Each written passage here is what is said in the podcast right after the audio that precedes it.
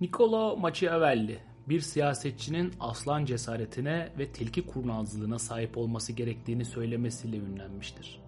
Bu düsturu Floransalı bir diplomatken döneminin ünlü siyasetçileriyle ilk elden edindiği tecrübelerle öğrenmişti.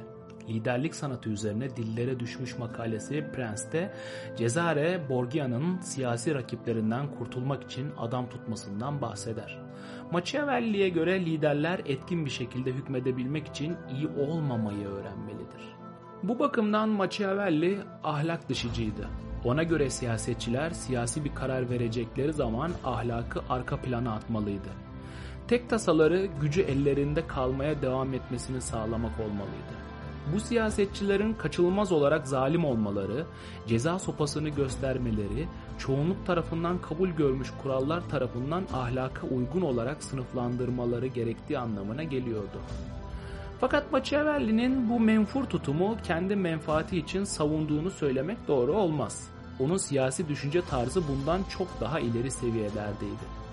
Bir liderin ya da Machiavelli'nin deyişiyle bir prensin en büyük tutkusu şan ve şerefe duyduğu istektir. Bu prensin amacına ulaşmak için ne gerekirse yapacağının göstergesi erdeminin delaletidir. Gel gelelim bu ne zulmü ne de zalimi aklar. Machiavelli bu konuda şöyle demiştir. Ancak şu tarzdaki zalimlik makuldür. Bir çırpıda kendini koruma dürtüsüyle gerçekleştirilmiş, devamı gelmemiş fakat teba için olası en büyük faydayı sağlamış olanlar. Makul olmayanlarsa başta az da olsa zamanla tükeneceği yerde gitgide artanlardır. İlkini seçenler Tanrı'yla ya da kulla ilişkisini iyi tutar.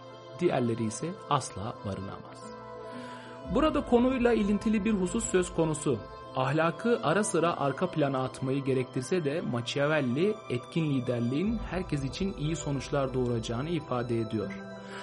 Dolayısıyla örneğin düzensizliğe müsamaha gösteren çok merhametli bir prensin korku salarak yönetip bir uyum meydana getiren zalim prense nazaran topluma daha çok zarar getireceğini öne sürüyor. Aynı şekilde çok cömert bir yönetici halkta tatminsizlik meydana getirir. Şöyle ki tuhaf ve aşırı harcama eğilimi gösteren bir hükümdar bu masrafları karşılamak için vergileri arttırmak zorunda kalacak ve o işin sonunda hoşnutsuzluğa ve küçük düşmeye kadar gidecektir. Machiavelli aslında sanıldığından çok daha bilgili bir düşünürdü.